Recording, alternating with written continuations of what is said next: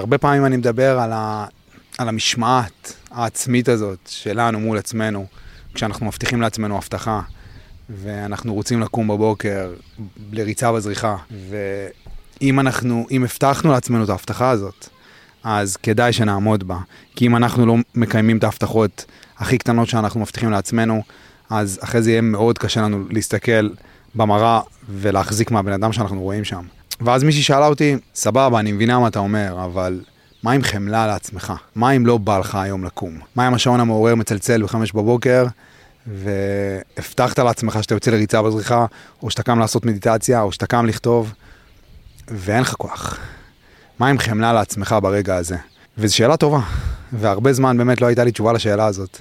והלכתי איתה, הייתי איתה כמה חודשים, ונראה לי הפרק הזה היום, זה הניסיון שלי לענות על השאלה הזאת. כשאני מנסה לחשוב על שאלות כאלה מורכבות וכלליות, בדרך כלל אני מפרק אותן. אני מנסה להבין מה השאלה. כי מה שהיא שאלה זה, מה עם חמלה לעצמך? את צודקת. חמלה לעצמנו זה אחד הדברים הכי חשובים, אולי הכי חשובים בדרך הזאת. אבל בואו ננסה רגע להבין מה זה אומר. כשאני שומע מה עם חמלה לעצמך, אני מנסה להבין מה זה אומר עצמך. ברגע שהשעון המעורר מצלצל, הדבר האחרון שאני רוצה זה לצאת מהמיטה עכשיו ולרוץ. אז בתכלס זה אומר שאם אני עכשיו נשאר במיטה ומחבק את עצמי, אז אני בחמלה לעצמי. זה נכון. אבל מה עם עצמי של עוד שעה? ומה עם עצמי של עוד שעתיים? ועצמי של מחר? ועצמי של עוד שנה? אנחנו מורכבים מקומונה של מלא עצמי. יש את עצמי של עכשיו, את עצמי של מחר, את עצמי של מחרתיים, את עצמי של עוד שבוע, וכל עצמי כזה זה בן אדם אחר.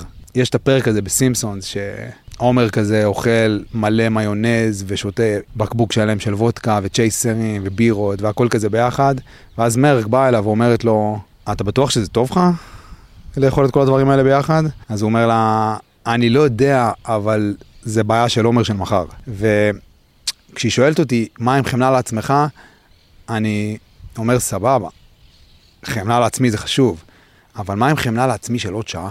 הדבר הכי טוב שהייתי יכול לעשות בשבילו זה לקום ולצאת לריצה הזאת. עם זה שאני נשאר במיטה, אני בחמלה לעצמי של עכשיו, ולא בחמלה של עצמי של עוד שעה, מה עשיתי? האם אני עדיין בחמלה לעצמי? כל היום שלנו הוא מלא בהבטחות קטנות שאנחנו מבטיחים לעצמנו. אם אנחנו קמים מחר בבוקר ואנחנו יודעים שהבטחנו לעצמנו לצאת לריצה בזריחה, והשעון המעורר מצלצל ומתחילים לעלות תירוצים, כי זה מה שקורה תמיד, עולים תירוצים, ואנחנו מנסים לחשוב על חמלה לעצמנו, הדבר הכי טוב שאנחנו יכולים לעשות זה לקום מהמיטה. כי אם אנחנו לא קמים, אנחנו לא בחמלה לעצמנו. אנחנו בחמלה לתירוצים שלנו.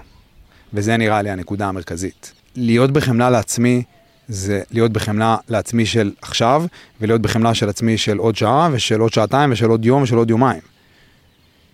אם אני לא קם מהמיטה, אז אני לא בחמלה לעצמי של עוד שעה. אני אפילו קצת בשנאה לעצמי של עוד שעה. כי עצמי של עוד שעה הולך לשפוט את עצמו רצח על זה שלא קמתי עכשיו. נראה לי הנקודה זה להבין אם אנחנו בחמלה לעצמנו, או בחמלה לתירוצים שלנו.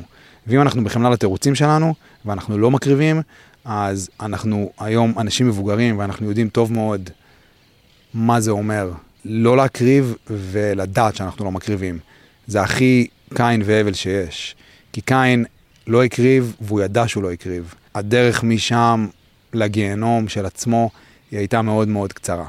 כל מה שאנחנו יכולים לעשות ברגע שעולים התירוצים זה להיות בחמלה לעצמנו. פשוט נראה לי שעכשיו אני מנסה לפרש מחדש מה זה אומר להיות בחמלה לעצמנו. להיות בחמלה לעצמנו זה בזמן שעולה התירוץ, לראות שזה תירוץ ולקום ולצאת. כי אלה הרגעים שאנחנו מקיימים את ההבטחות שלנו לעצמנו, ואלה הרגעים שגורמים לנו להחזיק מעצמנו, ולהחזיק מהבן אדם הזה שאנחנו רואים במראה. כשאנחנו מנצחים את ההרגלים שלנו, כשאנחנו מנצחים את התירוצים שלנו, אז אנחנו בעצם מראים לעצמנו שאנחנו אוהבים את עצמנו. זה הסימן לאהבה עצמית הכי גדול שיש. הצד השני של המטבע, של הדרך הזאת, זה להבין איך אנחנו מתמודדים עם הכישלונות. נגיד שלא קמנו לריצה, שלא יצאנו מהמיטה, ואנחנו כבר לא יכולים לעשות את זה, כי אנחנו כבר צריכים לקום לעבודה. אין לנו יותר זמן לעשות את זה. מבחינת הדרך שלנו ומבחינת ההבטחות, ההבטחה שלנו לעצמנו זה כישלון.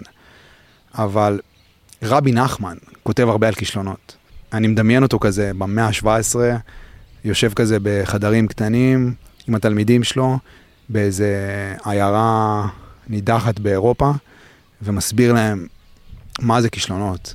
וממה שאני מבין ממנו, הכישלונות האלה, הלא לקום בזר... לריצה בזריחה, הם החלקים הכי חשובים בדרך. הכישלונות האלה, זה בעצם הדרך של העולם לתת לנו הזדמנות להתגבר על כישלון. אם אנחנו רואים את הכישלון ומבינים שמחר יום חדש, ומחר חוזרים לדרך וקמים לריצה הזאת, אז התגברנו על כישלון. קיבלנו הזדמנות מהעולם להתגבר על כישלון ועמדנו בזה.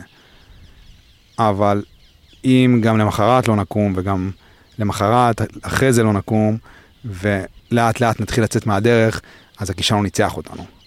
הכישלונות האלה שהם מגיעים, הם נותנים לנו הזדמנות להתגבר על כישלון. כשאנחנו מתגברים על כישלון, אנחנו בעצם מראים לעצמנו שאנחנו הבן אדם הזה שיכול להתגבר על כישלון. אז בעצם הכישלונות הם החלק הכי חשוב בדרך, אם אנחנו מתגברים עליהם ופשוט חוזרים לדרך. אני רוצה לסכם את כל מה שדיברתי עליו. המחויבות הזאת לעצמנו נמדדת בהרגלים שלנו, וההרגלים שלנו נמדדים בהבטחות שאנחנו מבטיחים לעצמנו. וההצלחה של הדרך נמדדת בקיום של ההבטחות האלה. כשאנחנו מקיימים את ההבטחות שאנחנו מבטיחים לעצמנו, אנחנו מתחילים לאהוב את הבן אדם שאנחנו מסתכלים, שאנחנו רואים במראה. כשאנחנו שואלים את עצמנו האם אנחנו בחמלה לעצמנו, אנחנו צריכים להבין אם אנחנו בחמלה לעצמנו או בחמלה לתירוצים שלנו. ואם אנחנו בחמלה לתירוצים שלנו, אז אנחנו צריכים לראות שזה תירוצים, ולקום מהמיטה. אז דיברנו בעצם על חמלה עצמית, על החשיבות של הכישלונות, ועל המחויבות לדרך.